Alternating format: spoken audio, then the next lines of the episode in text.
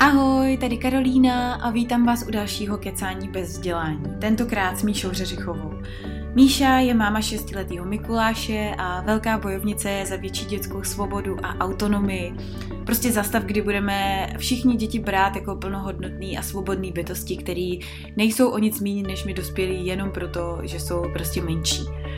A Míša je taky členkou Svobody učení, což je úplně boží organizace, která se snaží informovat jak rodiče, ale tak i samotní děti o nejrůznějších alternativách k běžný povinný školní docházce. Takže pokud vás zajímá individuální vzdělávání, dom škola nebo unschooling, tak určitě koukněte na svobodoučení.cz. No a s Míšou jsme si tím pádem o svobodném vzdělávání hodně bavili, ale povídali jsme si taky třeba o svobodný výchově jako takový, jak to mají oni doma s technologiemi, jak moc má nebo nemá Mikuláš svobody ohledně používání počítače, hraní her a tak a jak Míša celý tohleto palčivý téma vnímá, ale povídali jsme si třeba i o tom, kde je vlastně hranice mezi respektováním nějaký dětský autonomie a zároveň respektováním sebe jako rodiče a i nějaký rodičovský zodpovědnosti. Povídali jsme si ale taky hodně o vnějších i vnitřních tlacích, který na sebe jako rodiče každodenně vytváříme, zejména pokud jsme se vydali na nějakou trochu alternativnější rodičovskou cestu a často pochybujeme o tom, jak to vůbec celý vlastně dopadne. Takže jsem se ptala Míši na to, jak s těmahle strachama a obavama nakládá i ona sama. A celkově pro mě tenhle ten díl byl hodně přínosný a inspirativní, tak doufám, že si z něj taky něco odnesete. A ještě než konečně začneme, tak chci hrozně moc poděkovat všem svým novým patronkám, Pavle Sližový, Magdaleně Čermákový, Kateřině Šimkový, Kačce alias Kačkový, Evě Rebendový a Tereze Hláskový, který se rozhodli tenhle ten podcast a vlastně i všechno ostatní, co dělám, podpořit nejenom morálně, ale i finančně přes Patreon. Děkuji holky, hrozně moc to pro mě znamená, fakt. Jste boží, díky. A teď už konečně na ten rozhovor s Míšou. Tak ahoj Míšo, já tě vítám v kecání bez dělání, konečně to dopadlo, konečně jsme se zastihli. v obě. Ahoj, díky. Každá na jiném Díky za pozvání. Jo, no, já jsem hrozně ráda, že jsi ho přijala, protože já jsem na tebe narazila vlastně úplně náhodou přes nějaký různý černý díry YouTube a říkala jsem si, že se s tebou musím popovídat, protože spousta těch věcí a o kterých jsi mluvila, tak jsou témata, které taky řeším jako na každodenní úrovni. Mm. A tak možná ještě než úplně začneme, tak eh, jenom když bys mohla nějak jako krátce popsat, kdo vlastně seš, co tě baví, čím žiješ a tak? Hmm. Já teď momentálně jsem asi takový hodně agresivní zastánce dětí a uh, musím už trošku zrevidovat, jako jak, jak moc agresivní vlastně, protože jsem se hodně ponořila do těch svých bolestí z dětství, jak, co jsem dožívala ve škole, v rodině a teď vlastně znova to čeká uh, mýho syna vlastně a není možný se tomu úplně jakoby vzdálit natolik, abych si řekla, jo, tak tady je to bezpečný. Hmm. Takže znova jsem to otevřela, znova vlastně tím žijem. Uh, jinak vlastně podporuju svobodu učení v aktivitách, který dělá. To jsou asi nej, takový největší moje témata. Teď vlastně uh, se snažíme nějak ještě víc rozvíjet eh, činnosti, které jsme nejdřív eh, iniciovali v roce 2013 Neškoláci CZ, což byla vlastně skupinka rodičů, kteří se setkávali v podstatě s dětma, který se mm, jim narodili. A teď já bych ráda to nějak spojila s nějakou buď to vlastně službou pro děti, takže se snažím vlastně řešit, jak nabízet dětem jako alternativu vůči povinný školní docházce nějakou jinou službu v té době, ale aby to nebyla prostě škola, aby to bylo něco, co ty děti potřebují a když, to, jako, když potřebují školu, tak potřebují školu, ale já školu nabízet nechci. Uh-huh. Tak. A ty máš... Takže to je asi. Pr- promiň, jsem ti skočila do řeči. Uh, ty máš jednoho syna a jak je starý, hmm. nebo máš víc dětí? Mám šestiletýho syna. Jo, takže teď prostě aktuální No, teď Jak aktuálně zápisy vlastně do, do škol, takže řešíme, jestli teda školu nebo individuální vzdělávání, já v tom teda mám jasno. Ta, ta syna ten vlastně je na úplně opačném spektru e, názorově než já, takže takový složitý komunikování, ale uh, uvidíme. Uh-huh. No a um, syn je na tom jak? Tomu se do školy chce, nebo ten to vidí jak? Eh, no, on říkal, já jsem mu vlastně popisovala, co to eh, je individuální vzdělávání. On už rok vlastně je v povinném vzdělávání, protože v České republice je povinný vzdělávání dětí už od toho pátého roku, kdy vlastně musí povinně absolvovat ten předškolní ročník. Takže v podstatě rok je v individuálním vzdělávání a řekl, že chce pokračovat dál. Uh-huh. Teď akorát si myslím, že opravdu čelí eh, čistě tomu našemu jakoby názorovému střetu s tátou, kdy vlastně eh, on chce tradiční školu, já individuální vzdělávání nebo unschooling, takže myslím si, že to je takový trochu pro něj jako náročný, proč to tak jako je vlastně, si ujasnit sám v sobě. No, teď mi vlastně říkal, že eh, si přeje mít teda syna a až bude syn stejně starý jako on, takže ho dá na individuální vzdělávání. Tak jsem se ho ptala, jako jestli to nenechá na něm, co když bude chtít do školy. A ono to jako ne, to já ho prostě tam dám. prostě bude muset na individuální vzdělávání. Tak to mě docela pobavilo. Jo, jo. No a když uh, říkáš, že jsi uh, zastánkyně dětí, tak hmm. uh, proč vlastně? Proč máš, a to je jako vlastně téma, uh, kterého já se tady chci asi nejvíc dotknout, protože tebe hodně zajímá adultismus, že jo? Podle toho, hmm. co jsem koukala. No. A a ono spousta lidí vůbec neví, co to znamená, tak možná by bylo jako super, kdybys to třeba vysvětlila a, a vůbec vysvětlila, proč máš pocit, že jako děti vůbec nějaký zastávání potřebují, jako něco je hmm. špatně, nebo jako hmm. proč? Hmm. No, tak já teda popíšu ten pojem jako takovej. Ta definice je vlastně jednoduchá. Adultismus je prostě uplatňování moci dospělých nad dětmi, eh, kde vlastně se jedná o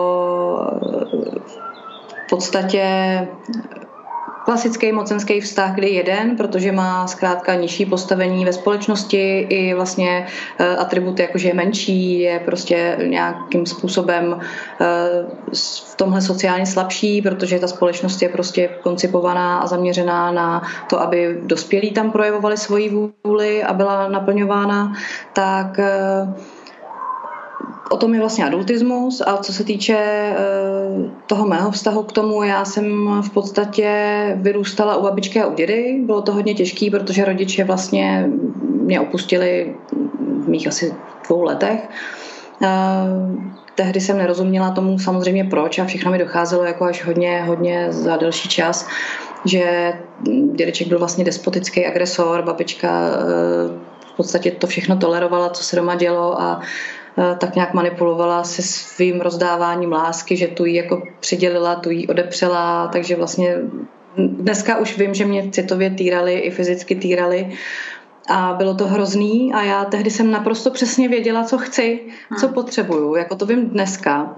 A neměla jsem vůbec možnost to realizovat. Hmm. Ať už to bylo to, že jsem věděla, že se trápím vlastně doma a že existují lidi, s kterými jsem se stýkala, ať už dospělí nebo děti, s kterými mi bylo dobře a jim se mnou. A kdyby třeba měli tu možnost, tak by řekli, hele, tak, tak pojď k nám, prostě buď tady s náma jenomže to legislativně nebylo možné. A naopak, kdyby mi něco takového nabídli, tak by z toho možná byly nějaký eh, obludný eh, scénáře, které se mohly naplnit. Eh, napadá mi spoustu věcí. Tak ta škola, která vlastně to bylo takový prostředí, kde nikdo moc nevyjadřoval, co vlastně cítí, nebyl na to čas, prostor.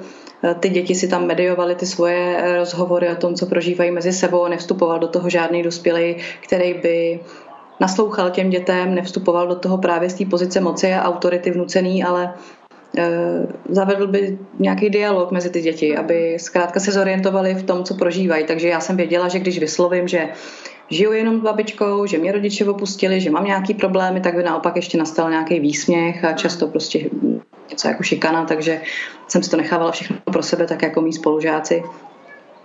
No, takže tohle, a věděla jsem, že tam být nechci. Jo, já jsem tam byla prostě nešťastná, eh, vlastně v podstatě jsem propadala tam jak tím sociálním systémem, byla jsem, že jo, takový to dítě, který si vytvářelo svůj svět někde prostě mimo, mimo ty skupinky těch holek a kluků. Takže v podstatě jsem věděla, že potřebuji už, aby to skončilo a abych měla co nejdřív moc nad svým životem.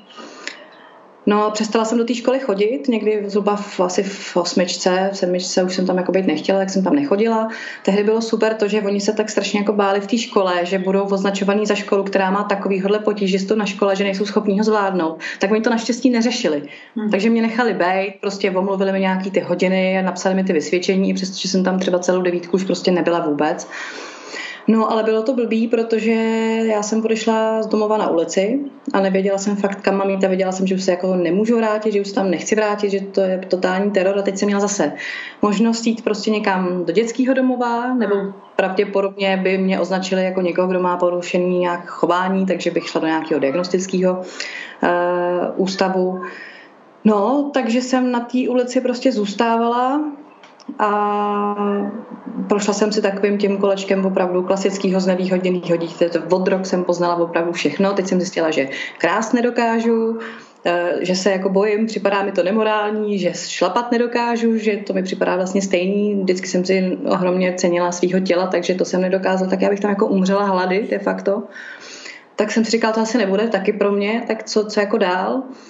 No a tak jsem vlastně se začala plížit po brigádách. Teď oni mě nemohli zaměstnat, protože mě prostě nebylo ještě ani 15. Tak to byla další překážka, na kterou jsem narážela, takže na černo jsem pracovala, brigádničila, pak teda na černo jsem měla smlouvu, na někoho úplně jiného jsem měla smlouvu na byt, abych vlastně mohla bydlet, protože taky jsem jako nemohla legálně si s někým podepsat smlouvu, protože mi nebylo 18. No a tak dál a tak dál. Pak jsem teda začala už sama z vlastní vůle chodit do školy, protože jsem se chtěla něco dozvědět, chtěla jsem něco dělat. Pak jsem si říkala, no tak když tyhle lidi můžou mít vlastně nějaké obchody a podnikat, tak já taky dokážu podnikat. Tak jsem si otevřela obchody, měla jsem řetězec ehm, nějakého koženého zboží a ehm, oblečení. No a postupně jsem se dostávala, protože jsem studovala sociální práci k těm všem tématům. Uh-huh. Chtěla jsem vlastně těm dětem, eh, kterým jsem tehdy byla já, nějakým způsobem pomoct. A zase tam jsem začala narážet na, na ty samé věci, jo, že vlastně nemůžu jim efektivně pomoct, protože povinná školní docházka, protože všechno je navázané na státní peníze a nějakým způsobem uh, jde v podstatě často v těch projektech jenom o to, jak je efektivně jako přerozdělit ty mm. peníze, ale už ne tak, aby to mělo smysl pro ty děti jako takový. Yeah. Takže ty služby se, se prostě...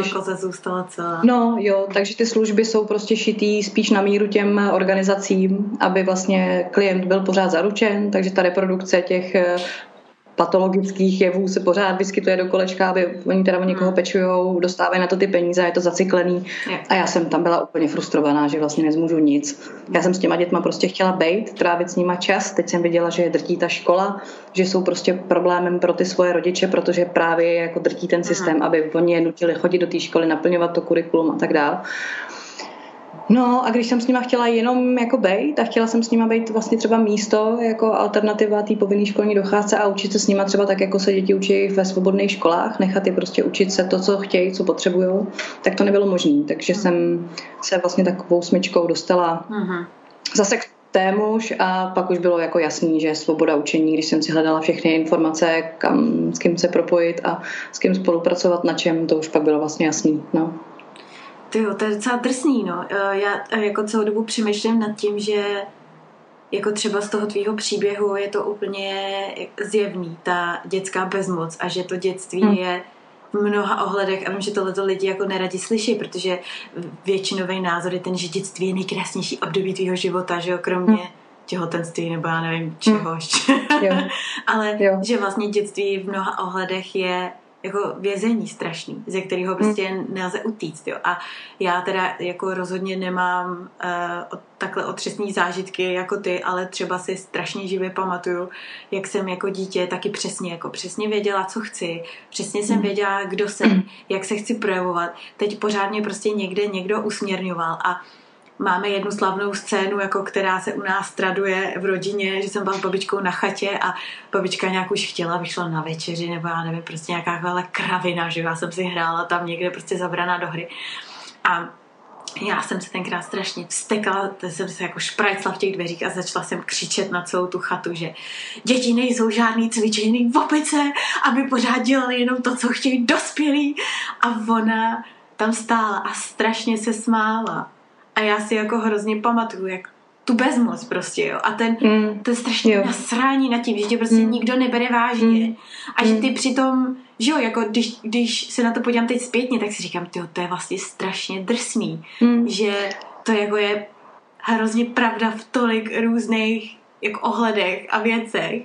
A myslím, jako je to samozřejmě markantně viděný na případech nebo příbězích, jako popisuješ ty ten svůj, kde jako objektivně řečeno to dítě trpí, ale hmm. vlastně jako na kolika různých úrovních se tohleto děje každodenně i v těch jako v zdravých no. rodinách, jo. No, Jo, tak už jenom vlastně do té míry, že když ti rodiče si to všechno uvědomují a chtějí to těm dětem jako dopřát jiným způsobem prožít to dětství, tak vlastně často nemůžou vlastně, protože taky naráží na ty mantinely vlastně a nejenom legislativní, ta legislativa je vlastně jenom jakoby takovým vyjádřením toho, jak ta kultura smýšlí, jo? že vlastně spoustu lidí opravdu reprodukuje ty věci, protože nad tím třeba nikdy nepřemýšlel, nebo protože uh, se to tak jako zkrátka dělá a je to takový samohyb, který se jako reprodukuje, reprodukuje, no a vlastně ty rodiče jsou taky bezmocní, protože ta kultura kolem nich zkrátka se nějak chová, něco vlastně na nich jakoby vymáhá, mají se chovat jako ti normální lidé, jako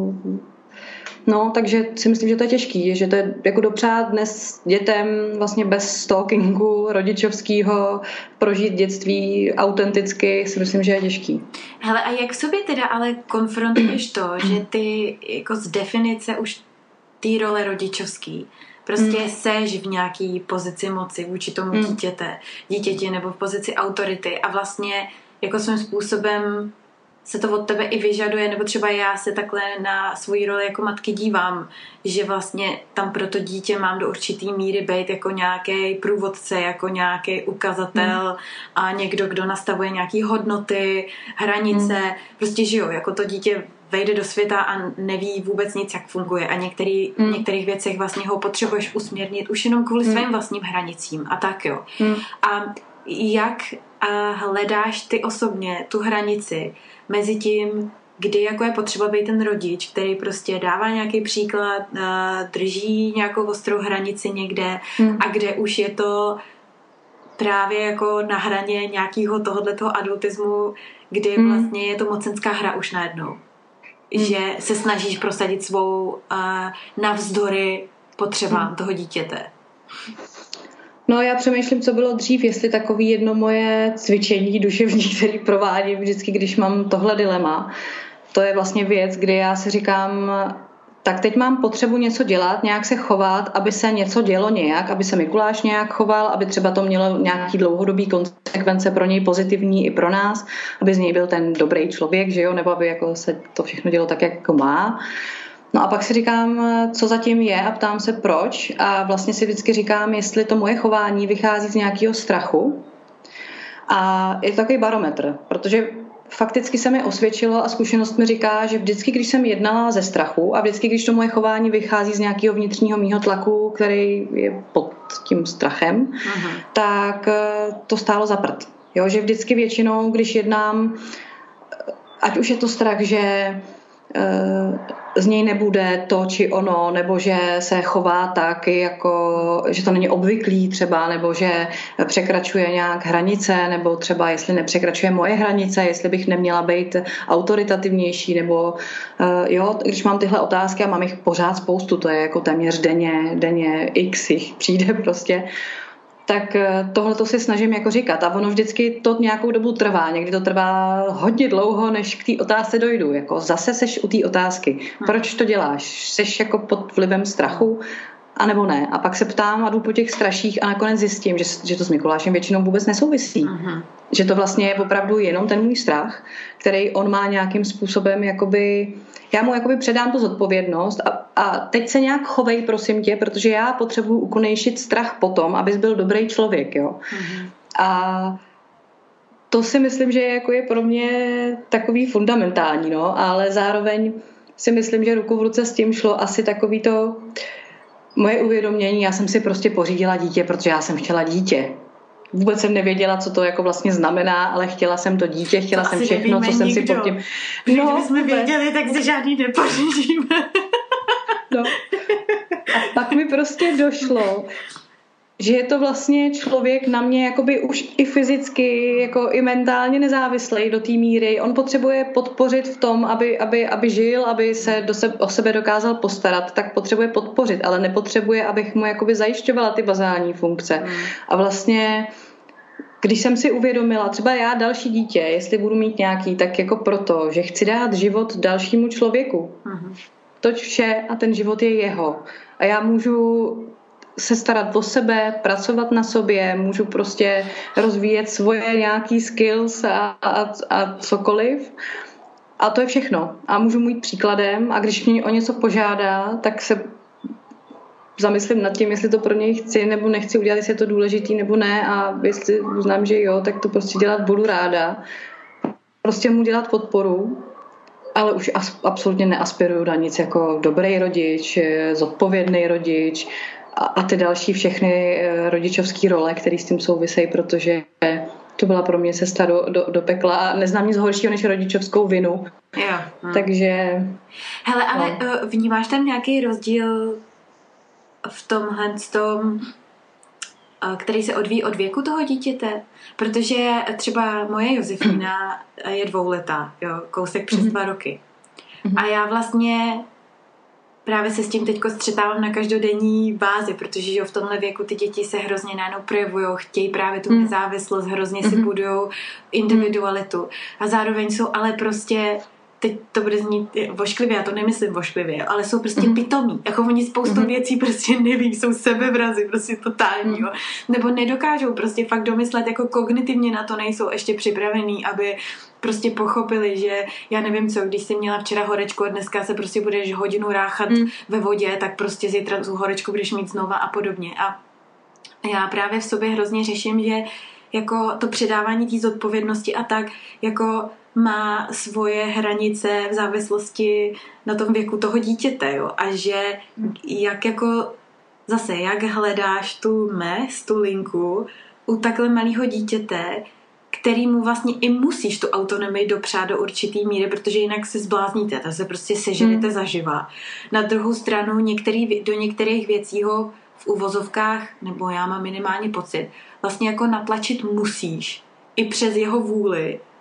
A, a často já to dělám i na úkor toho, že mám vlastně pocit, že jako ji nerespektuju jako bytost v tu chvíli úplně, ale hmm. vím, že to, nebo mám pocit, že to musím udělat, protože prostě přesně jako nechci jí nechat prostě další den s horečkou ležet, protože vím, mm. jaký to bude mít důsledky, že jo, to jejich chování, jo. Mm. A tak a by mě zajímalo, co si myslíš o tomhle, jako když se jedná o takhle malý děti, jako kde tam mm. hledat tu hranici toho, jako do jaký míry nechat autonomii a, a do jaký míry já ti rozumím, no. Ono je to v podstatě jako to si, to, co jsi popsala, je v podstatě jako žít s člověkem, který má málo zkušeností, jo. To je vlastně eh, to, jak si popsala, eh, že jsou vlastně pitomí, tak vlastně to vychází z toho, že prostě ty zkušenosti opravdu nemají. Toť vše, to si myslím, že je jako to zásadní, co nás jako odlišuje od malých lidí, od dětí, že prostě nemají dostatek zkušeností, nemají jich tolik jako my logicky. No a myslím si, že e, člověk se z odpovědnosti v podstatě učí jedině tak, že je zodpovědný. Jo? To znamená, že když se má člověk učit jakoby správně rozhodovat, tak se to naučí jedině tak, že rozhoduje a hmm. dělá chyby a je mu umožněno ty chyby dělat. No a pak jako, bude to znít možná drsně, jo? tohle to je zrovna, teda si uvedla příklad, který jako bude znít asi drsně, ale uh, když se někdo vyráchá v řece, nastydne a má horečku a vymáchá se tam za týden znova, nastydne a má horečku, tak si říkám, uh, no, tak nastydl a má horečku, jako vím, že se může stát i něco horšího a je to samozřejmě pak jako nepřeju to nikomu, ani tomu dítěti, ani tomu rodiči to řešit. Ale vždycky jsem si říkala jako proč zrovna nechci, aby tohle dělal. Proč si zrovna myslím, že tohle je něco, co vychází z jeho jako nedostateční zkušenosti a proč bych mu v tom měla zabránit. Proč bych mu měla zabránit v tom, aby onemocněl a nachladil se, proč bych ho neměla nechat pocítit ty důsledky a pak jako hledat tu hranici. No. Jako no, určitě jako... je to těžký Promiň, že ti do toho skáču, jo, protože mm. mě tam do toho, já teda jako se zase přiznám, že tohle to nemám jako nastudovaný, jo. Já nevím vlastně, protože já jsem taky taková jako matka Lážo Plážo, já si rozhodně nečtu žádný jako knížky o vývoji mozku a kdy co to dítě ví mm-hmm. a mhm. umí, jo. takže nemám mm-hmm. absolutně páru o tom, kdy je schopný třeba dohlídnout právě důsledek nějakého svého chování a do jaký míry už to třeba v těch dvou letech dokáže jako pochopit, mm-hmm. že tu horečku dneska mm-hmm. má proto, že se včera mm-hmm. prostě dvě hodiny ráchala ve vodě. Jo. A, a to je vlastně to, co mě často i jako přiměje. A možná se to prostě vrací, vlastně ty si celou dobu předtím mluvila jako o důvěře, že jo, v toho svého syna, jako že se to vrací prostě uh, k důvěře v tu bytost, v toho člověka. Na druhou stranu prostě ty za ní máš zodpovědnost. A hmm. to je asi... No a to je právě jako pro mě třeba otázka, co to vlastně hmm. znamená mít za to dítě zodpovědnost. Hmm. Znamená to to, co je teda sepsaný těmi zákony a teda hmm. za to máš zodpovědnost, za to máš zodpovědnost a za to. A je to skutečně tak? Jako za co vlastně já jsem zodpovědná, co to vlastně znamená ta zodpovědnost rodičovská a co vlastně ty děti opravdu potřebují. Jo? A to si nemyslím, že je jednoduchý, že je jednoduchý nějak sumarizovat, sepsat do zákonů nebo o tom sepsat nějakou e, vývojově psychologickou knihu, encyklopedii nebo cokoliv, že to je opravdu hodně různý, protože všichni jsme různí, ty děti jsou různý. Myslím si, že jsou děti, které jsou ve dvou letech úplně klidně schopný jako pochopit to, o čem si mluvila, že se prostě nachladili, protože se ráchali ve vodě dvakrát za sebou, když tu zkušenost udělají párkrát za sebou, tak jsou schopní to pochopit. Ještě navíc, když ten rodič vlastně s nima o tom jako mluví, že teď si se ráchal ve vodě, jsi nemocný, mluvili jsme o tom a jako nějak respektujícím způsobem mu to vysvětlí. A myslím si, že je spoustu dospělých, kteří e, nejsou schopní dohlídnout, že když se dneska vyráchají ve studené vodě, tak prostě onemocnějí a když se v ní vyráchají za týden, tak pravděpodobně třeba zase onemocnějí. Jo? Že vlastně e, to, co my očekáváme od dětí, že budou jako naplňovat a budou se chovat jako ten dospělej, tak e, často ti dospělí nedělají, protože kdo to je, ten dospělej vlastně, mm, mm. jo, to je taky pro mě otázka, co vlastně za roli tohle jako je kulturně dneska. No, takže si myslím, že určitě je to o tom, že když mu tu možnost nedám, nenechám ho se vyráchat v té studené vodě, tak tím minimálně snížím šanci teda jak na to, že onemocní, ale i na to, aby se učil z odpovědnosti a tomu, že musí čelit potom a řešit konsekvence z nich vyplývající. Jo? Že to jsou jako vždycky, není to tak jednoznačný, že něčemu jako zabráníme, a něco jiného umožníme a naopak, jakože to prostě není jednoduchý. No, no to jsme teďka myslím. takhle byli přes Vánoce v Čechách a Josefína právě si nechtěla, nechtěla se oblíct a šli jsme ven a mm. bylo prostě asi minus 10. Tak jsme se s ní dohadovali chvíli a já jsem pak říkala, OK, tak prostě tak jdi nahatá ven. Tak že jo, a můj plán byl v mý hlavě, že prostě vyleze z toho baráku. Bude zima a bude zima, přiběhne zpátky. No tak mě pěkně vypekla holka, že jo, protože při, vyběhla ven. A sice jako se celá to přiběhla zpátky, ale v oblíce nechtěla, chtěla jenom do náruče. Takže my jsme ji nesli prostě asi 500 metrů po Praze přes prostě celkem rušnou ulici v těch minus 15 nebo kolik bylo. Všichni prostě stavěli, koukali na nás. Já jsem se bála, že na nás někdo zavolá sociálku. Tak to bylo jako velmi vtipný, no. Ale vlastně ještě když se, když se vrátím k tomu, ale vlastně jsem na sebe jako byla hrdá, že jsem nevyměkla, mm. jo. Mm-hmm. Ale když se vrátím ještě k tomu příkladu teda s, s, tou, s tou nemocí, že vlastně já možná na co se jako ptám úplně nejopravdovějc je, já těmhle těm věcem jako hrozně věřím, jo, a hrozně si myslím, že jsou fakt důležitý a i se o ně snažím, jako respektovat to dítě a právě nechovat se k němu, jako že to je někdo méně cený mm. a tak. Ale vlastně moje otázka je, jako jak to někdy přežít prakticky, protože prostě mm. uh, přesně jako ty víš, že teda bude mít tu horečku, ale ty jako budeš muset prostě s ní být mm-hmm. pak zavřená týden mm-hmm. doma, ty budeš muset mm-hmm. k ní vstávat v noci, ty prostě budeš muset yeah. všechno to zase celý absolvovat a když už prostě toho máš plný zuby a tohle to je fakt to poslední, co chceš, tak jako zase jo, jako kde, kde v té rovnici seš ty mm. a tvoje potřeby a to, že prostě ty už jako další nemoc nedáš mm. prostě, protože bouchne ti hlava z toho už, jo. Jo, já taky to tak vnímám, prostě jsem potkaní matka, která je vyvalená s těma cickama deset myší na sobě a to mám jedno dítě, jo, a, jsem, a cítím se myslím, že dost podobně. A říkám si, tak to už jako ne, já už nemůžu. A, a pak si říkám, no a to je právě možná o tom to jako je, že jsme se rozhodli teda dát ten život tomu člověku, tak prostě tady jsme a pečujeme o něj a je to těžký, protože jako já jsem nedostala žádný certifikát, že to jako bude jednoduchý. A potom si myslím, že je hrozně důležitý mít jako ty lidi kolem sebe, jako teď spolu mluvíme a to je strašně očistný, takže mít kolem sebe tu komunitu lidí, kteří se podporují, pomáhají si v tomhle tom právě, jo, mít jako na uh, příjmu a nejenom na příjmu jako online, nebo jako mít vedle sebe ty lidi fyzicky, kteří ti s tím pomůžou a nenechají tě prostě ležet s těma setkama vyvalenou samotnou a když tomu dítěti je blbě, tak ti třeba řeknou, hele, já dojdu nakoupit. No a to je jako problém, že jo, protože no. prostě vnímám, že v těch nukleárních rodinách, v těch eh, zaizolovaných panelácích to prostě nefunguje pořád, no. A nebo když se pak nějaký debžot rozhodne bydlet mm. na druhém mm. konci planety úplně od mm. všech a tam mít děti, že jo. Jo, no.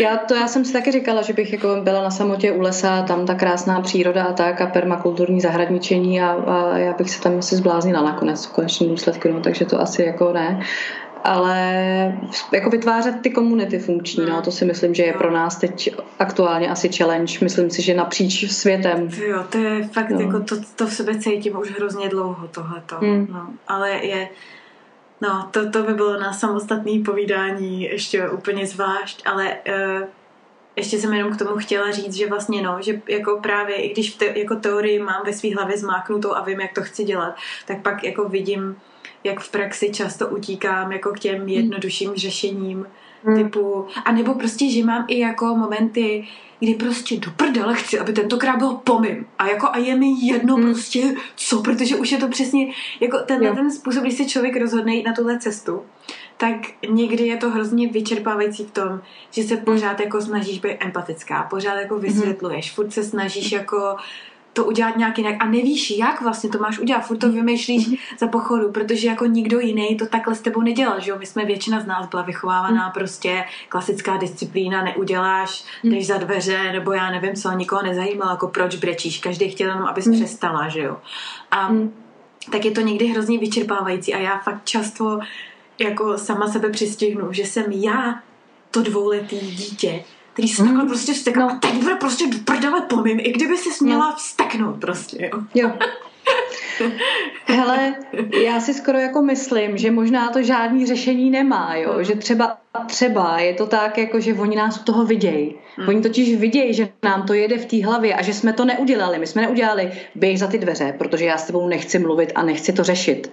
Oni vidějí nás v tom zmatku autenticky, že nevíme a dáváme jim to najevo, hele, já nevím a už jako nemůžu, chci to udělat jak nejlíp dokážu, ale prostě já nevím, jak to je, co to jako je, jak jako nejlíp, jak dokážu, co to znamená. A oni to vidějí, tohle vidějí, jo, a třeba to je to, co je máme naučit, já nevím, jo, třeba ne, třeba prostě ne, ale tak si říkám, jako, že házet na sebe vinu za to, že, že, že projevujeme emoce, že někdy toho máme prostě dost, že nejsme dokonalí, no nejsme, asi ani nebudeme, asi už ani neočekávám, protože eh, no vlastně asi, asi očekávám, ale, ale je to většiná frustrace.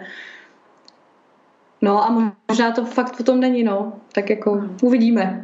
A to je možná taky ono, jo, že Eh, dopustit nebo připustit si vůbec jenom tu myšlenku, že žádná jistota neexistuje, že prostě nevíme, co je správně a s tím se naučit žít a fungovat, to je jako pro mě výzva, jo, že no já si myslím, že to tak je, jako je. A, no. To je možná jako hodně osvobozující, jako když se vlastně odprostíš od toho, že ty víš předem, co je správně, tak to mm-hmm. tě vlastně hrozně omezuje a to je to, co tě naplňuje pak tím strachem, protože jako jakákoliv jiná varianta je z definice špatně. A když se hodíš jako do toho, že vlastně nevíš, co je správně, tak jako hmm. Uvidíš, no. No blbý je, že prostě člověk je jako do toho dítěte tak strašně emocionálně a jako po všech jiných ohledech zainvestovaný, že jo? Protože hmm. ty jako to nemůžeš prostě zkoušet na stokrát. Jako, prostě máš no. víceméně jako by jeden pokus a pak prostě jako průšvih, no. No a to je právě, to řekla možná hezky, jo, že, že vlastně eh, tohle já jako vnímám ještě trošku jinak.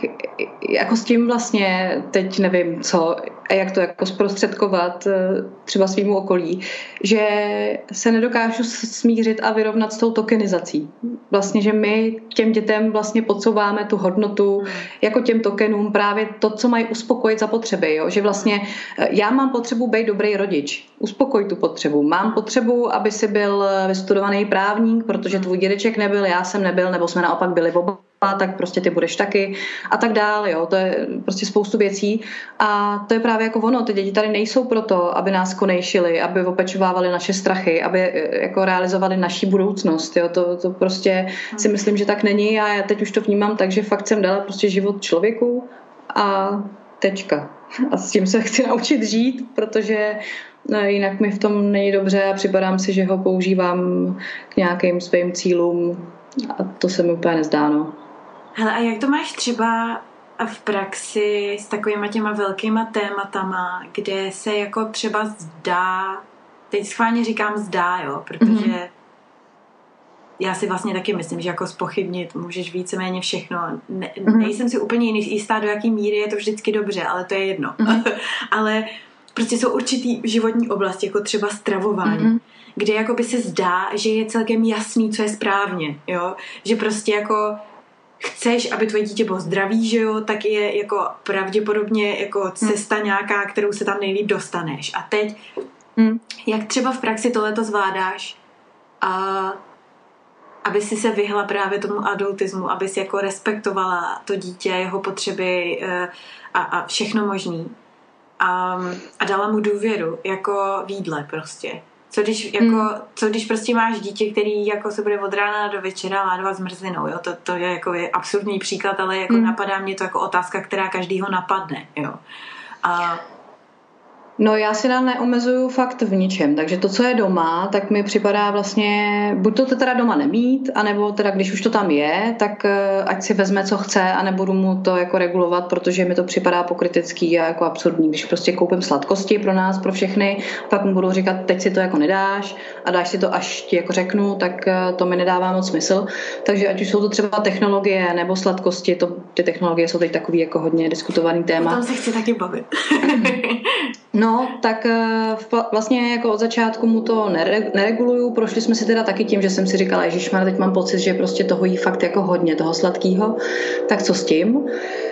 No, ale ukazovalo se, že jsou to fakt období, že opravdu, když eh, jako dopustím to, že teda fajn, tak nechám tě, dělej, jak myslíš, vysvětluju mu, jaký to může mít důsledky, proč já třeba nejím sladký, protože mě to nevidí, já prostě nejím cukr, tak eh, co si o tom jako myslím, proč to nejím já a čekám, co se jako bude dít. No a je to tak, že on si to opravdu začne regulovat většinou sám. Pokud koupím něco, co je extra dobrý, tak on je schopný prostě to sežrat celý pytel a až ho sežere, tak už třeba pak nechce. Jo? Že se ještě nám vlastně fakt nestalo, že by uh, něco, co má k dispozici, tak byl na tom třeba závislý do té míry, že bych viděla, že ho to nějakým způsobem omezuje v životě, tak jak je jako dneska definovaná závislost, že ve chvíli, kdy něco konzumuješ takovým způsobem, že ti to způsobuje v životě nějaký negativní důsledky, tak to u něj jako nepozoruju. No. A i kdyby, tak si říkám vlastně, O tom vlastně mluví dost dobře Urza právě eh, o závislostech, kdy jako říká, že jeho život byl souslet jako jedna závislost za druhou období, jenom se měnily ty, eh, ty substituty vlastně. Tak eh, tohle vnímám docela stejně. Vlastně všechny věci, které se mi v životě stanou, jsou jakoby neoddělitelné z toho celku. A i, i když to byly nějaké závislosti, i když to byly hodně drsné věci, tak je to to, co jsem v konečném důsledku já. A nedovedu si říct, jako jestli je dobře nebo špatně, kdybych to jako vytrhla a v tom životě to vůbec neměla, a takový život prostě je, jo, že jako není to černobílý. Ve chvíli, kdy já bych mu zakázala technologie, tak by třeba se dělo to, jako to vidím u spousty známých, kteří regulují technologie, že ty děti přijdou k nám na návštěvu, kde je ten počítač k dispozici a nic jiného nedělá, jenom u něj sedějí, zatímco Mikuláš si prostě jde hrát s dětma ven třeba. Jo, takže protože ví, že to bude mít za, za hodinu zase, když bude chtít. Jo. Nebo jsem i slyšela historky o tom, jak ty děti lezly nějakým sousedům do baráku a vybrakovali jim takovou tu spižírnu, eh, nebo bar to byl dřív, takový, jo, tak oni tam měli nadspaní sladkosti, tak prostě sousedům lezli do, do baráku a, a vybrali jim prostě sladkosti z toho baru, protože to měli jako doma zakázaný. A to je samozřejmě, to jsou jako extrémní jako věci, ale jako ukazuje se mi, že to tak nějak je, že cokoliv jsem sama sobě odpírala v životě, tak jednak u mě vznikala taková ta jako... Obsese já to strašně chci bažení, jakoby. A pak taková ta, to, to období toho sycení se do sytosti, jo. dokud jsem to sama nepopustila. Ať už to byly hry, eh, když jsem prostě nějaký pařila, nebo třeba nějaký jídlo, sladký, cokoliv. Jako jo. Takže um, proto nereguluju, no. Takže s technologiemi, protože o tom právě to mě taky mm. zajímalo, jak to máte. Mm. A tam teda nemáte vůbec žádný omezení, prostě Mikuláš může být na počítači a, a co třeba sociální sítě a takovýhle hmm. věci, mm. to samý?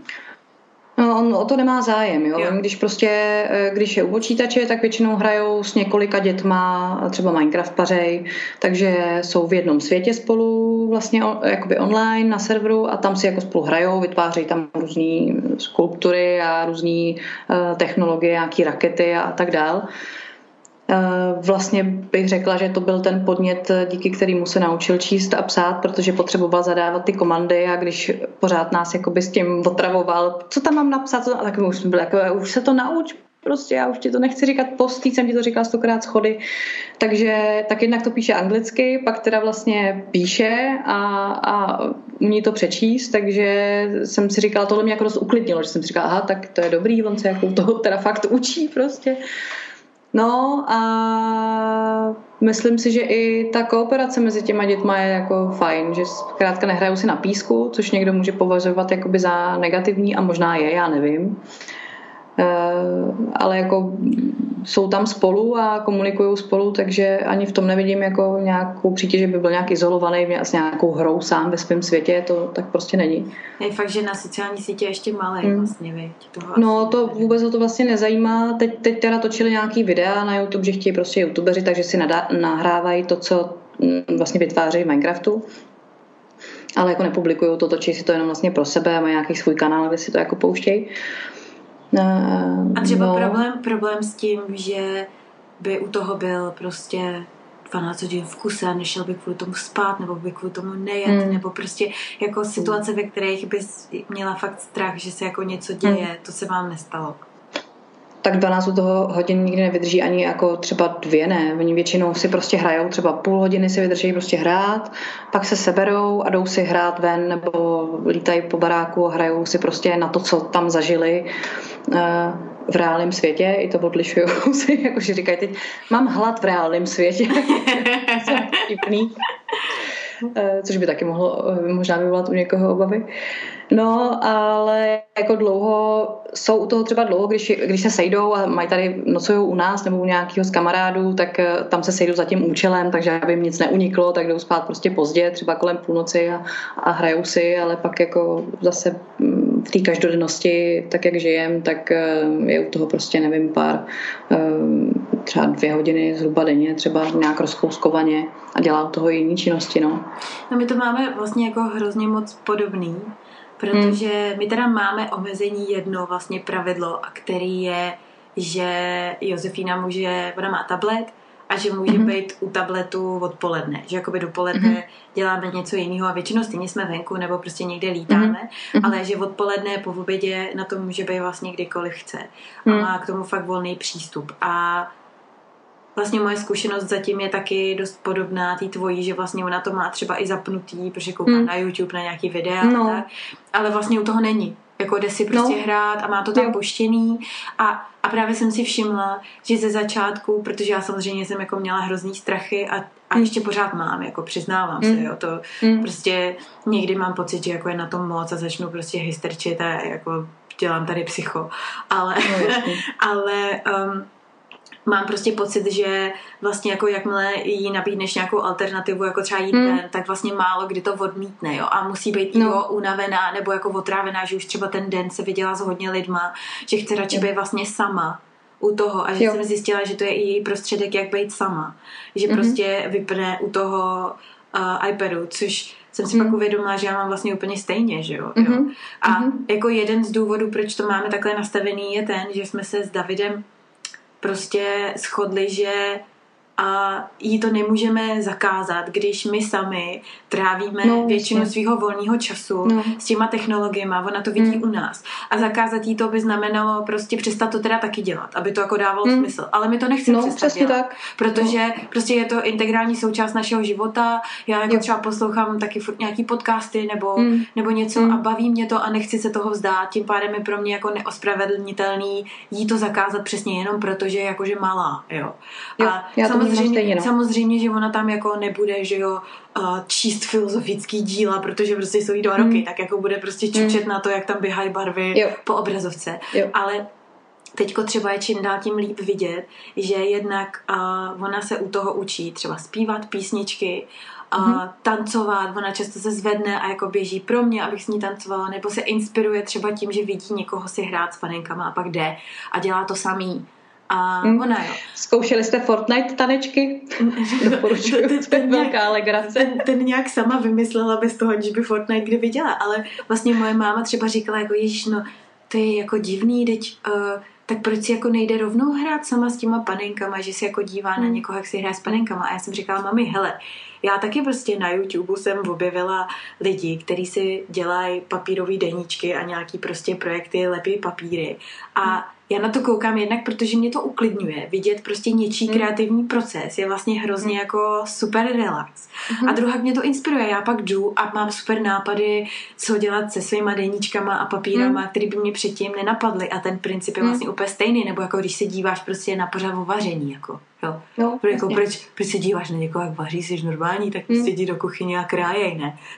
Takže no, vlastně je to, to jako, pro, mě, pro mě je to takhle. Ale vlastně si říkám jako že to je častá námitka samozřejmě, že no tak jako tvoje dítě zrovna to třeba asi zvládá dobře, ale prostě to naše jako má tendence být na tom závislý, jo. Hmm. A že, jako co si myslíš o tomhle? Myslíš si, že to jako je univerzálně platný princip, že když tomu dítěti dáš svobodu a může si to samo řídit, tak potom má menší tendenci mít právě ty návaly toho, kdy jako oh, to prostě potřebuje strašně moc. Hele, já... Uh jako rozhodně nechci dávat nikomu nějaký doporučení no, nebo prostě, jo, ale prostě z mých zkušenosti vyplývá, že ve chvíli, kdy se začnu s někým bavit o tom právě, jak ty říkáš, že někdo mi řekne, že naše dítě má sklony k, k tomu být jako na tom závislý, tak si říkám, co to vlastně znamená, jo, a jak teda vlastně s tím zacházejí, jo, jako jestli opravdu uh, je to tak, že ho neregulujou v ničem, že má prostě to dítě autonomii, svobodu, že o všem prostě otevřeně diskutujou, debatujou a i přesto se něco takového děje, No, já nevím. Já třeba jsem opravdu udělala tu zkušenost, že ve chvíli, kdy docházelo k nějakým patologickým chováním, ať už u dětí nebo u dospělých, tak tomu rozhodně jako nikdy nepředcházelo sebeřízení. Jo, vždycky naopak tam bylo spousta regulací, zákazů, pří, příkazů, nějaká nerespektující komunikace, násilí a tak dál. Že vlastně, vlastně neudělala jsem tu zkušenost. jako no. pro něco jiného. Hmm.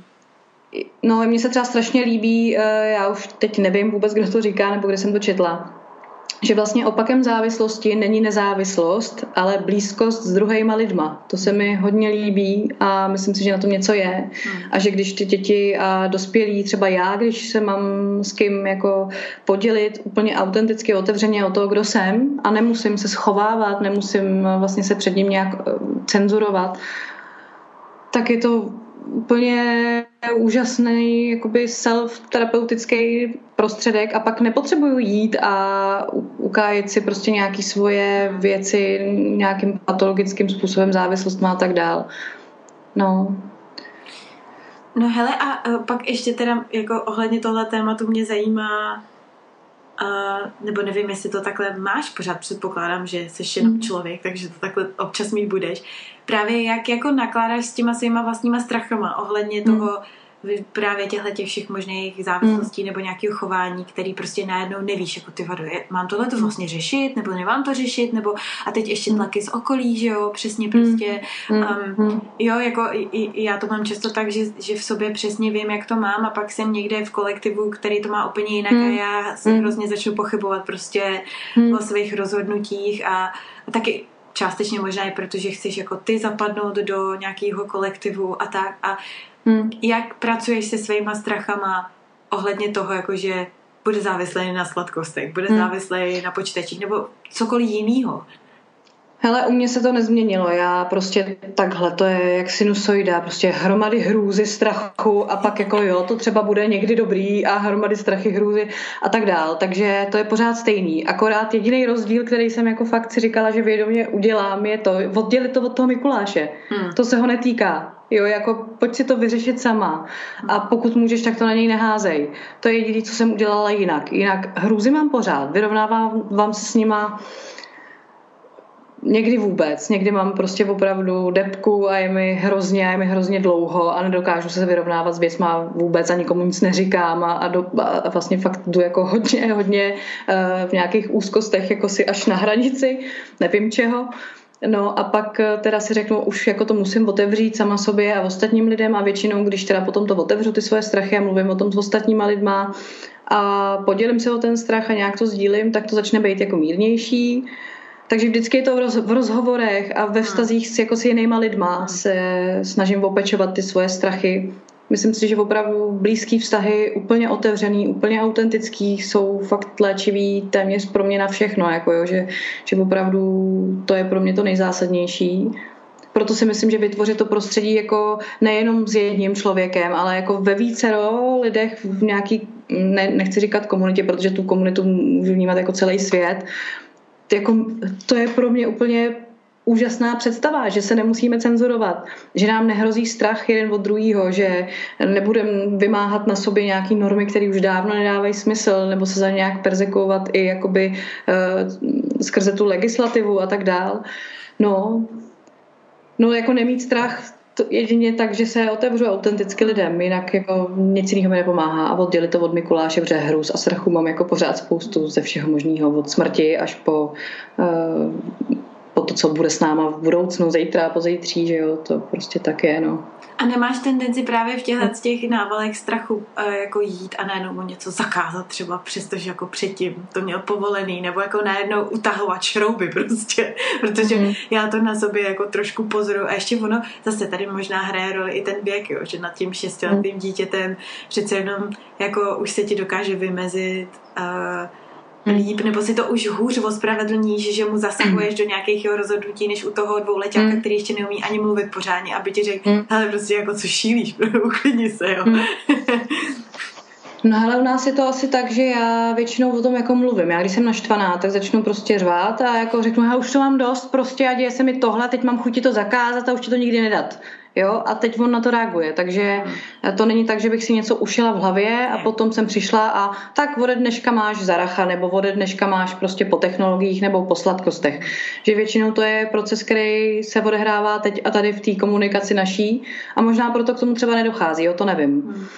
Uh, ale no, neděje se to, že bych uh, hmm. přišla a utahla šroub jako bez toho, aby se odehrála nějaká komunikace a vlastně to asi ani nedělám.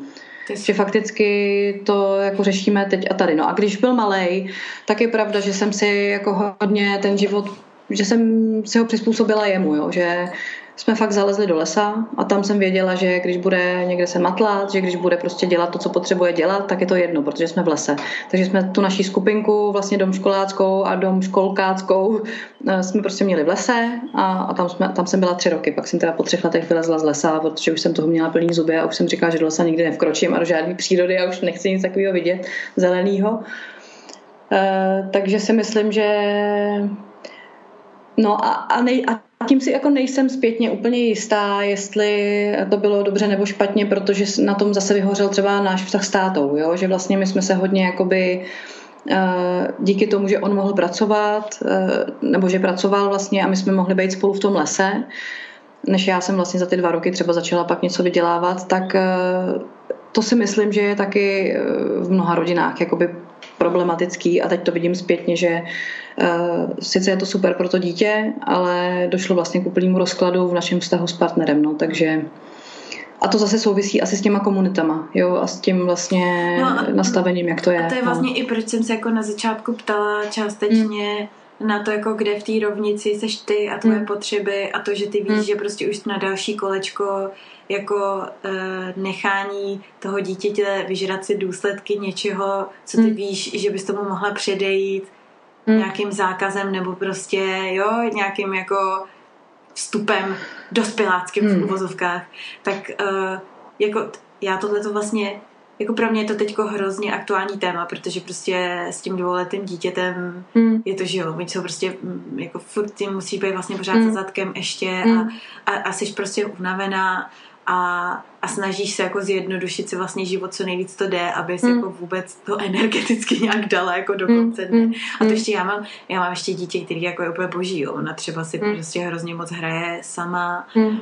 a vlastně je strašně samostatná a jako mm. naprosto bezproblémový dítě, ale já jsem zase člověk, který hrozně miluje samotu, jo. A mm. jako to, že jí prostě dva roky nemám, na mě teďka mm. fakt těžce doléhá. Mm. Mm-hmm, chápu, jo. No, takže jako v, no, to, tohle to, to bilancování prostě, neustálý hledání si nějaký svý vlastní hranice, no. No, to si myslím, že je celoživotní proces a že jako nikdy není úplně jasno a že protože ty hranice podle mě vlastně jakoby neexistují, že to je něco, co si hmm. definujeme jakoby sami ve vztazích s ostatníma lidma, že to spíš vnímám jako bubliny nějaký prostě na sebe narážející a hodně jako fluidní. Eh, tak si myslím, že to jako nejde vymyslet teď a tady, jo? Že, a, že vlastně ani nevíme, uh, jaký důsledky to bude mít do budoucna, jo? že ty naše rozhodnutí dneska se nám jeví nějak, mně se nějak jeví nějak to, co jsem třeba, jak jsem popisovala, uh, zažila před těma x lety, ale nevím, jaký to bude mít důsledky pro Mikuláše a pro mě a pro partnera jako do budoucna a hodnotit něco jako dobře nebo špatně je dost jednodušující. Těžko říct, no. Hmm, myslím si, že děláme opravdu v tu chvíli, pokud, pokud opravdu se snažíme do toho vstupovat co nejvědoměji dokážeme a hledáme ty řešení jako nějak aktivně, takže si jako není co vyčítat, protože opravdu to jako nevymyslíš, jo? že nejsme roboti a máme spoustu balíků navláčených na sobě uh, od našich rodičů, od jejich rodičů. Uh, to, co se vlastně reprodukuje v naší kultuře, tak eh, jako vymezovat se vůči tomu, být tím vším, čím bychom chtěli být a dělat to jako na 100%. Je sice super, že, že o to usilujeme a zároveň prostě, když se to nedaří, tak uh, si za to ubližovat nemá asi úplně smysl. No. A naučit se být na sebe hodný a nějak se respektovat své potřeby je asi opravdu jako mnohdy na celý život cesta prostě. No, hm. To teda no. Ale právě teď, teď mi ještě napadá jenom příklad uh, z našeho života teď aktuální, kde vlastně jako jsem šla zcela vědomně přes Josefínu a asi jsem jako zrovna tady vystoupila jako ten všemocný dospělý, který to prostě rozhodne a tak to prostě bude, protože jsme jí sebrali dudlík teďka před třema, mm-hmm. třema dny, jo.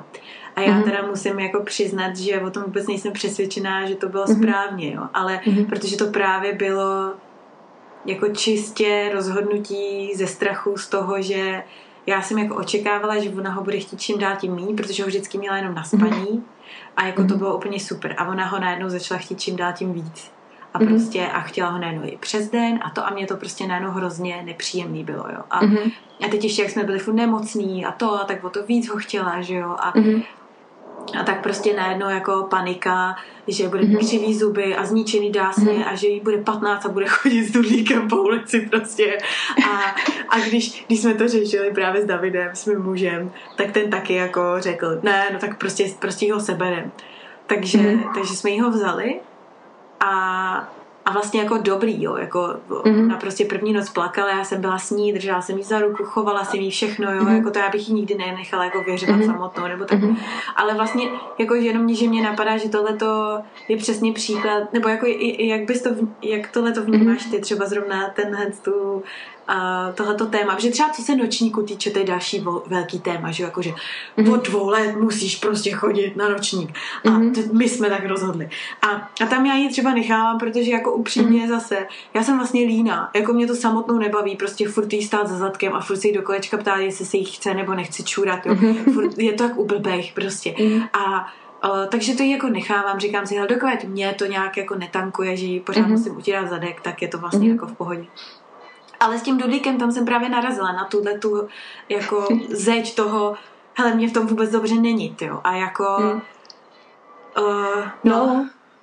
To jsme dala dobrý oslý můstek s tím zadkem, protože u nás teď byl právě ten zadek, jako, že jo, protože Mikulášovi je šest, že jo, a teď já jsem si říkala, jako já ti budu prostě v šesti letech utírat zadek, už mě to nebaví, už toho mám jako plný zuby. A tohle jsem mu teda řekla, že už jako opravdu mě to nebaví a teď on ještě má rituál, že to není jako jenom utřít zadek, ale on nesnáší posraný zadek, takže se musí umýt ten zadek. No. Takže já prostě jsem ho vždycky, kdekoliv jsme byli, musela někam vysadit, tam ho jako celýho umýt, mejdlem a utřít, vysušit, aby teda byla jako spokojenost. No a už mě to fakt štvalo. Teď už ho neunesu ani, jo. A tak jsem mu to jako řekla, jak to je a on si nastavil sám, že teda tomu bylo těch pět a něco, že teda od těch šesti, až mu bude šest, takže prostě to bude dělat sám. No a naštěstí teda to fakt klaplo, to fakt prostě měl narozeniny a, a ten den si začal sám to. A k narozeninám dostal utírání zadku. Samostatné utírání. Sám od sebe. Jo. Sebeřízené utírání zadku. No ale právě s tím kojením to tak nebylo. To vlastně bylo velký drama a vidím to jako kolem sebe hodně, že my máme ty předsevzetí, že teda budeme kojit na to požádání, že teda uh, budeme kojit dlouho, jak ty děti budou potřebovat a nakonec je těm dětem prostě tři, už to máme plný zuby, už opravdu jsme celý podrápaný, teď jako unavený z toho, v noci se nevyspíme.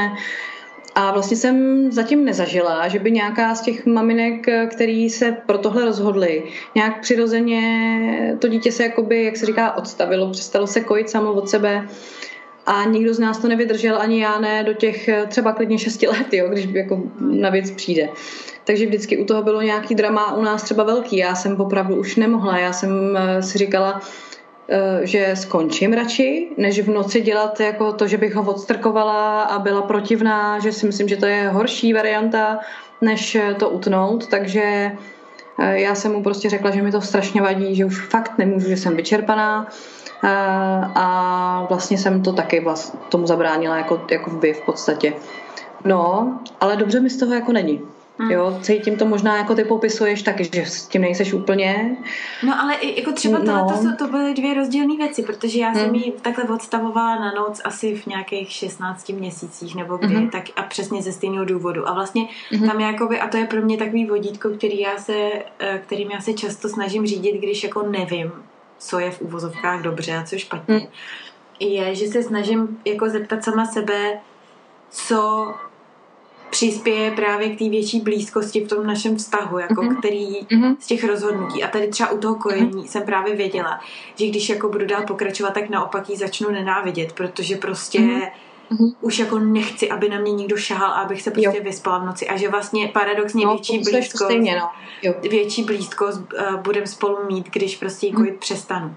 Ale tady s tím dudlíkem to bylo, jako takhle to nebylo prostě, protože tam vlastně mm jako mm, no tam, když jako úplně upřímně, když na to odpovím, tak vlastně jako nemůžu ti říct, že bychom byli si blíž, jenom protože jsem jí vyndala, jako mhm. se brala dudlík, mm-hmm. no, samozřejmě mm-hmm. ne, jako, jo. Mm-hmm. Ale um, no vlastně, jo, zas na druhou stranu prostě nebylo by mi vůbec dobře a tam bych asi teda musela jako pracovat se svýma nějakýma strachama ohledně jako představy, že má dudlík prostě třeba do pěti let a že z toho mm-hmm. bude mít blbý zuby nebo mm-hmm. já nevím co.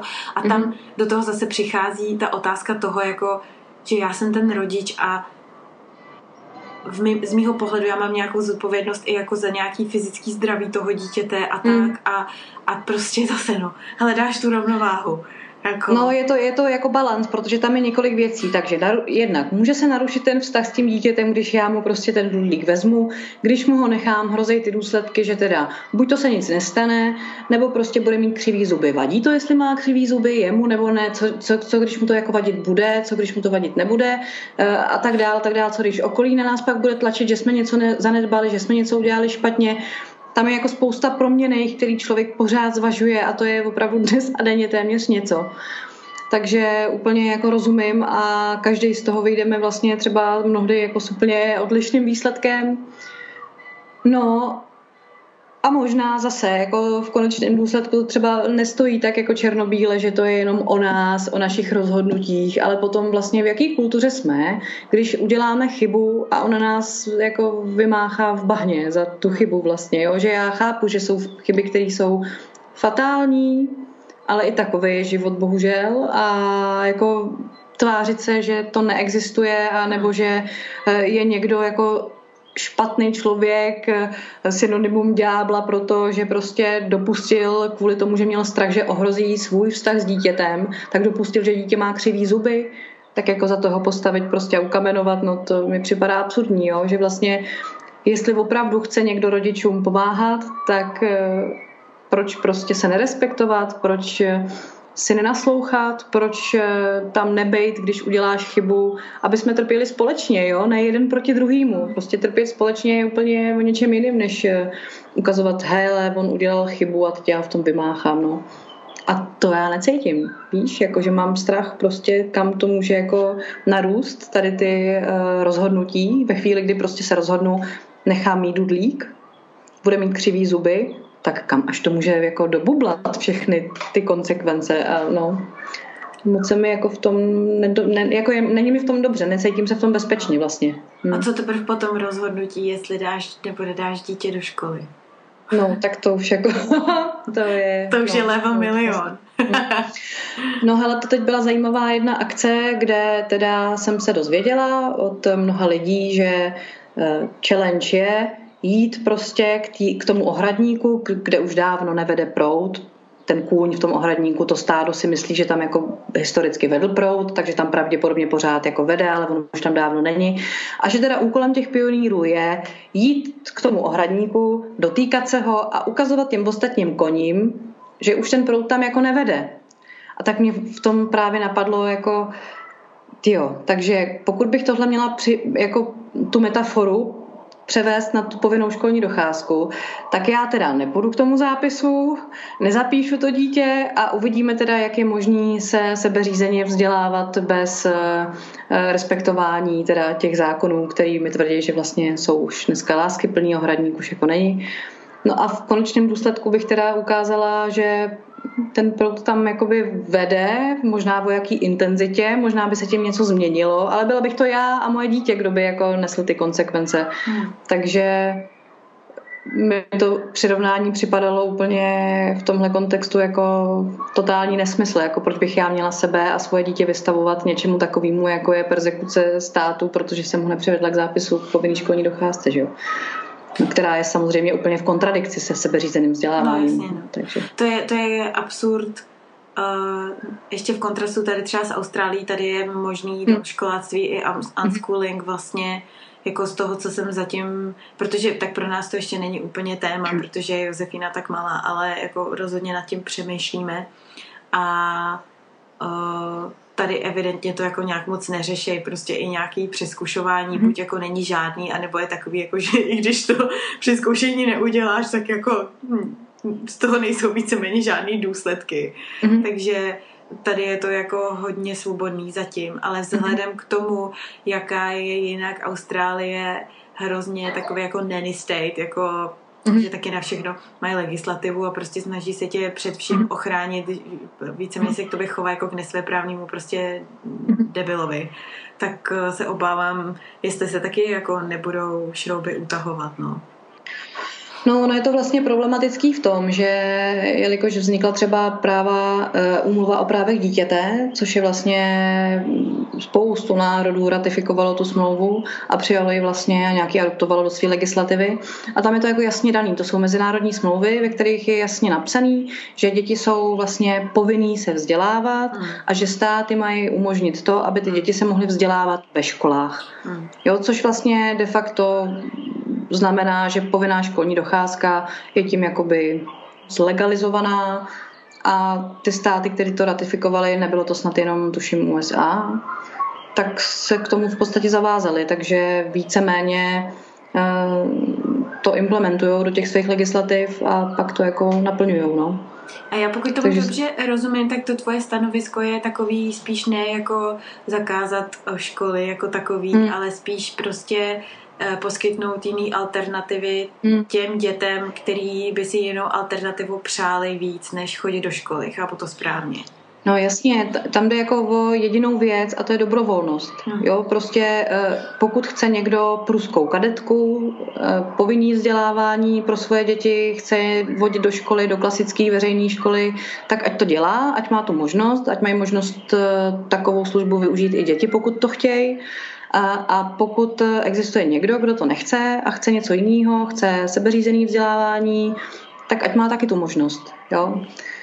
To je jako jediný, o co jde, ne plošně nařídit všem sebeřízený vzdělávání, plošně ze všech škol udělat svobodný, eh, plošně nařídit unschooling, ale eh, umožnit tu dobrovolnost, ať si každý vybere, co chce. Kdo chce školu klasickou, ať má školu, kdo ne, tak ať ji mu stát prostě nevnucuje. Hmm.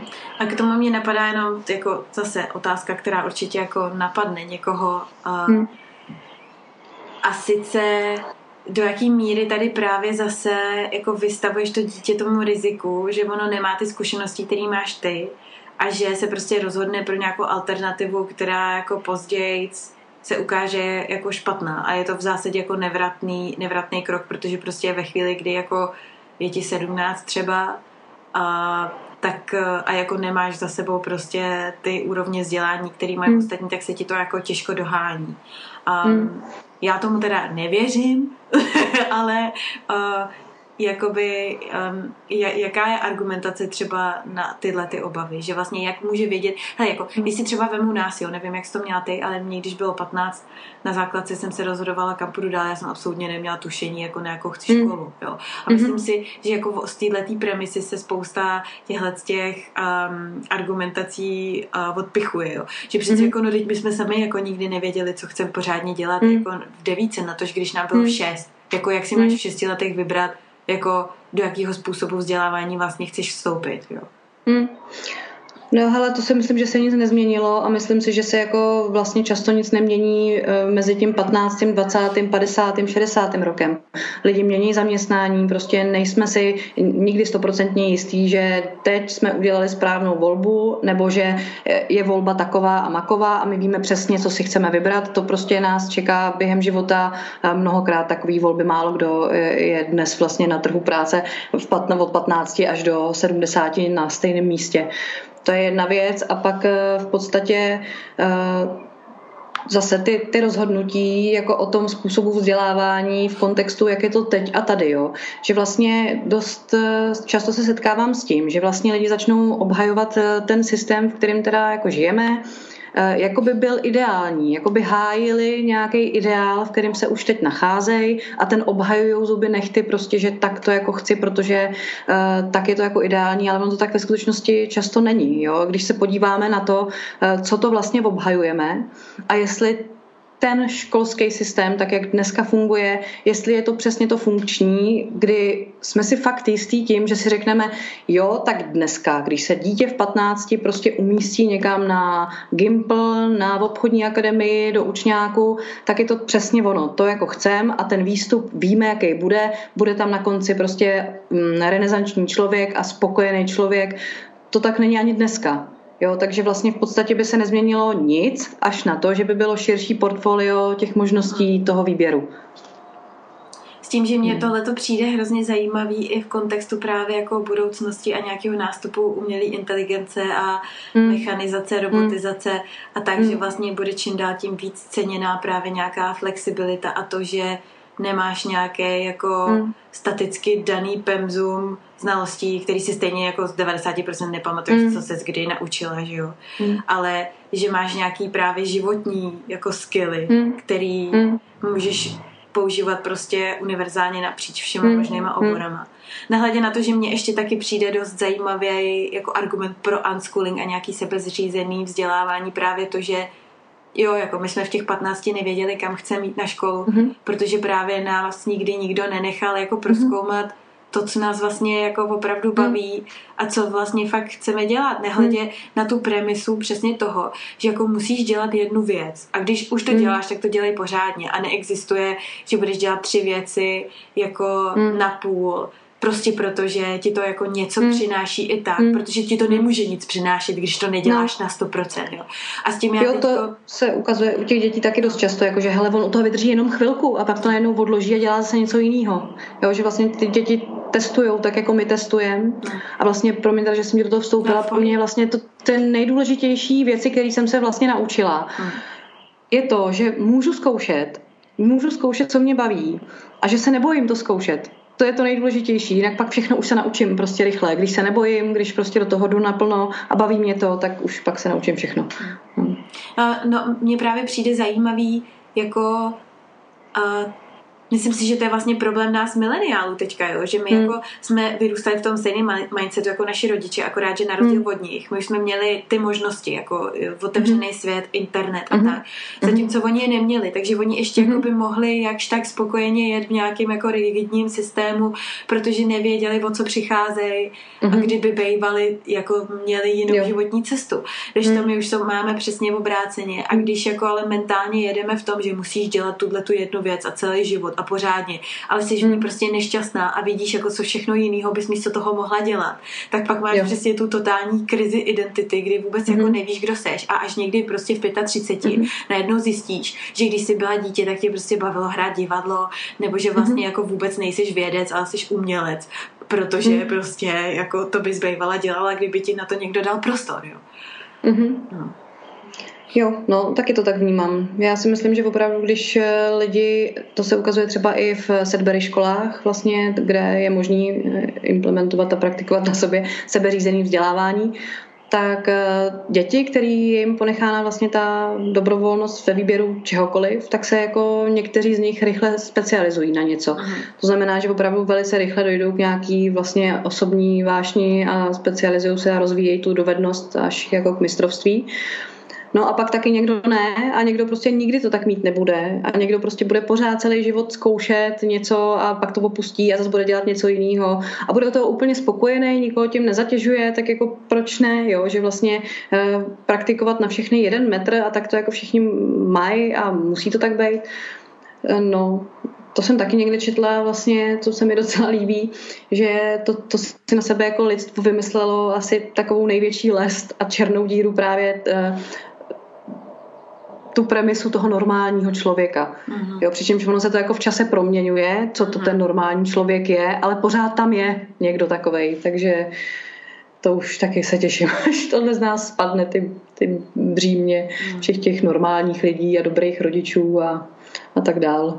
No a ještě mi jenom řekni na závěr, a cítíš nějaký posun u nás v Čechách jako ohledně těchto těch témat, jednak nějaký jako ochoty přinášet vzdělávací alternativy a vůbec i jako otvírání se právě i víc respektujícímu nějakému svobodnějšímu rodičovství? Hele, já v tuhle chvíli vlastně nevím. Jako jsem dost zmatená a vlastně nevím, co nás úplně čeká, protože eh, jednak se pohybuju v nějaký bublině. Jo? Jsem prostě obklopená lidma, kteří to nějak mají. Takže z té bubliny bych se rozlídla, řekla bych, jo, mění se to, je to prostě jinak. Ale teď vlastně v Čechách dochází k revizi rámcových vzdělávacích programů, mm. což je vlastně mm, na školním zákoně postavený vlastně rámcový vzdělávací program, který pak musí si adoptovat školy a vytvořit na základě něho školní vzdělávací programy.